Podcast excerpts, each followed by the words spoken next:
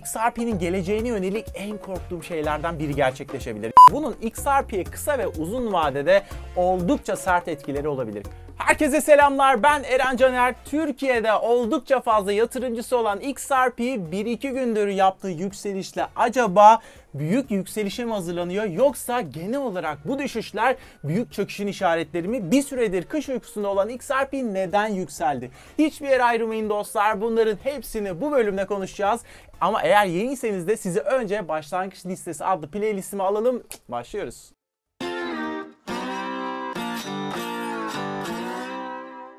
Bu arada bazı videoların sonuna artık çok kısa ve ilginç bonus bilgiler ekleyeceğim ki video biterken bambaşka bir noktada da ne bileyim şaşıralım, ufuk açalım, daha faydalı olabileyim istiyorum size. İşte dostlar bu videonun sonunda da böyle bir bonus bilgi olacak. Şimdi XRP konuşacağız ama piyasa genelde zaten birlikte hareket ettiği için sizde XRP olmaz başka bir coin olur. O coin içinde bu videoyu izleyip fikirlerden feyiz alabilirsiniz dostlar. Şimdi XRP biliyorsunuz abi en popüler 3. kripto kripto para değil mi? Ve amacı ne abi XRP'nin? Uluslararası ödemelerde işte çok hızlı ve ucuz şekilde bu ödemeleri yapmak ve tüm dünyanın aktif olarak kullanacağı bir numaralı bakın bir numaralı transfer coin olmak değil mi? Ama tabii biliyorsunuz yani kripto para piyasası sürekli böyle tam gaz yükselmediği için aralarda siz de tecrübe etmişsinizdir. Çok sert düşüşler yaşadığı için bu düşüşler işin business tarafında yani iş tarafında gecikmeye neden olabiliyor. Ha bu arada şunu hatırlatayım dostlar videoya başlamışken bana destek destek olmak ve çekilişe katılmak için lütfen kanalıma abone olup hemen yanındaki zil butonuna dokunmayı, videolarımı beğenip son olarak da yorumlarınızı, fikirlerinizi yazmayı bu videonun aşağısına sakın unutmayın dostlar. Şimdi devam edelim.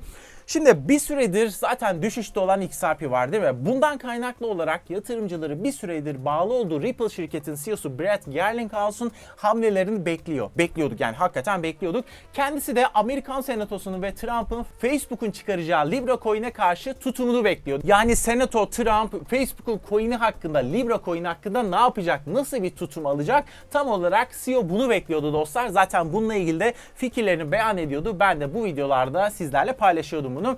Şimdi tüm bunlar olurken Türkiye'de de XRP yatırımcıları biliyorsunuz gayet terse kalmışlardı. Zarar etmiş bir şekilde o bekliyorlardı yani. Ama tabii son 1-2 gündür biliyorsunuz XRP %6 civarı bir yükseldi. Bununla birlikte işte Twitter'da, Telegram'da falan da XRP'nin konuşma oranı var ya Datalight verilerine göre tam %35 civarı yükseldi. Bu gerçekten iyi bir rakam. Şimdi fiyattaki yükselişin nedenlerine, teknik analize girmeden XRP'nin fiyatını konuşmadan hemen önce olaya şöyle bir bakacak olursak XRP'nin bağlı olduğu Ripple şirketin CEO'sunun elinde tuttuğu XRP'lerle planladığı yeni yeni ve büyük büyük yatırımları bir konuşalım.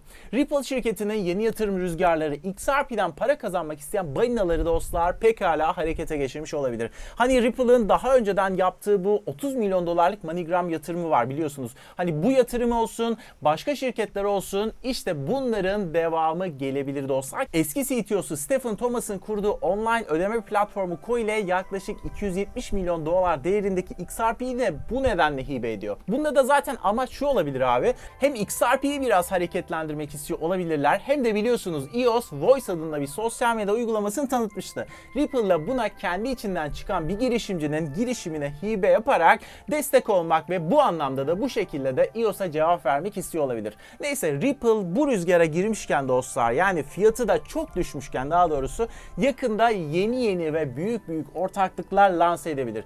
İşte dostlar tüm bunlardan dolayı Ripple üzerinde biz şimdiden 3'e 5'e bakmadan XRP satın alalım, koyalım cebimize ve bekleyelim.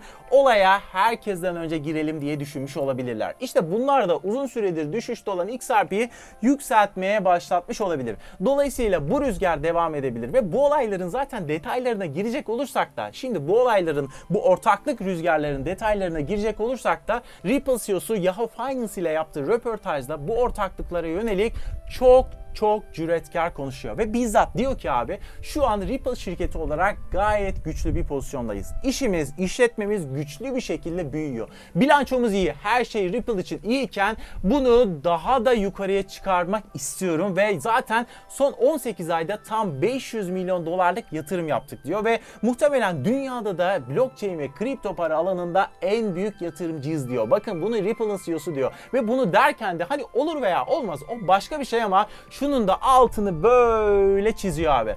Ripple şirketini daha da büyütecek her türlü ortaklık ve potansiyel satın almalara varız diyor ve bilmiyoruz yani belki de hali hazırda yatırım arayan şirketlere kendisi mesaj gönderiyor. Bu da olabilir. Ki zaten Ripple şimdi benzer yatırımlara devam edebilir ve muhtemelen nakit parasını kullanmadan elinde olan XRP'leri sata sata veya böyle hibe ede ede XRP coin için bir hareket, bir yükseliş trendi başlatmak istiyor olabilirler. Çünkü biliyorsunuz abi eğer bir coin çok uzun süre böyle kış uykusuna yatarsa ne olur abi? O heyecanı kaçar. Yatırımcıların umutları tükenir. işte elindekini küfrede küfrede böyle zararına sattıktan sonra da çok ultra bir böyle bir hareket olmadıkça o coin'e yönelik o hani böyle harikulade bir hareketi olmadıkça dönüp bakmazlar yani. Dönüp bakmıyorlar bile. Yani her ne kadar coinlerle asla duygusal bağ kurmayın desek de abi bu gerçekten çok zor bir şey.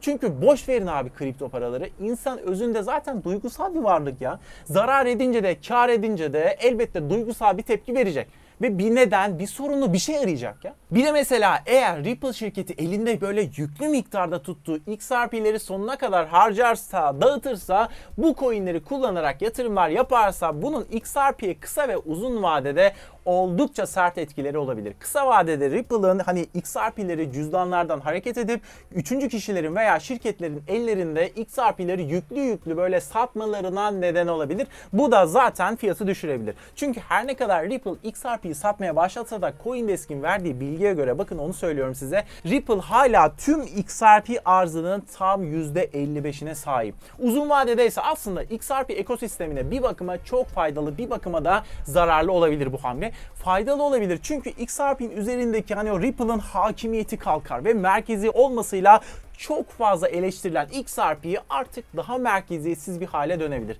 Zararlı olabilir onu da söyleyeceğim. Benim XRP'nin geleceğine yönelik en korktuğum şeylerden biri gerçekleşebilir. Yani Ripple ile XRP'nin arasındaki bağ azalabilir dostlar. Azalabilir ve Ripple ürünlerinde XRP'yi kullanmamaya başlayabilir. Şimdi bile her ürününde XRP'yi kullanmıyor ya biliyorsunuz. Hatta XRP'nin uzun vadeli düşüşünü bu bağın zayıflamasına bağlayan analistler bile var. Neyse dostlar şimdi isterseniz XRP neden yükseliyor? XRP büyük yükselişe mi yoksa büyük çöküşe mi hazırlanıyor? Analizimize devam edelim ve biraz da XRP'nin fiyatının teknik analizleri ışığında işi böyle çok zorlaştırmadan herkesin anlayabileceği basitlikte konuşalım. Biliyorsunuz ben teknik analizleri Bitcoin'in büyük yükselişini yapıp düşüşe geçmesinden bu yana nasıl yapıyorum abi? Yani yaklaşık 1,5-2 senedir dolar odaklı yapıyorum. Geriye dönüp baktığımda da hakikaten hakikaten yani bunda da ne kadar haklı olduğumu görüyorum. Çünkü sen hani XRP'den para kazandığında o parayı harcamak için ne yapıyorsun abi? TL'ye veya dolara çeviriyorsun değil mi? Hani Bitcoin olarak harcamıyorsun ki bunu.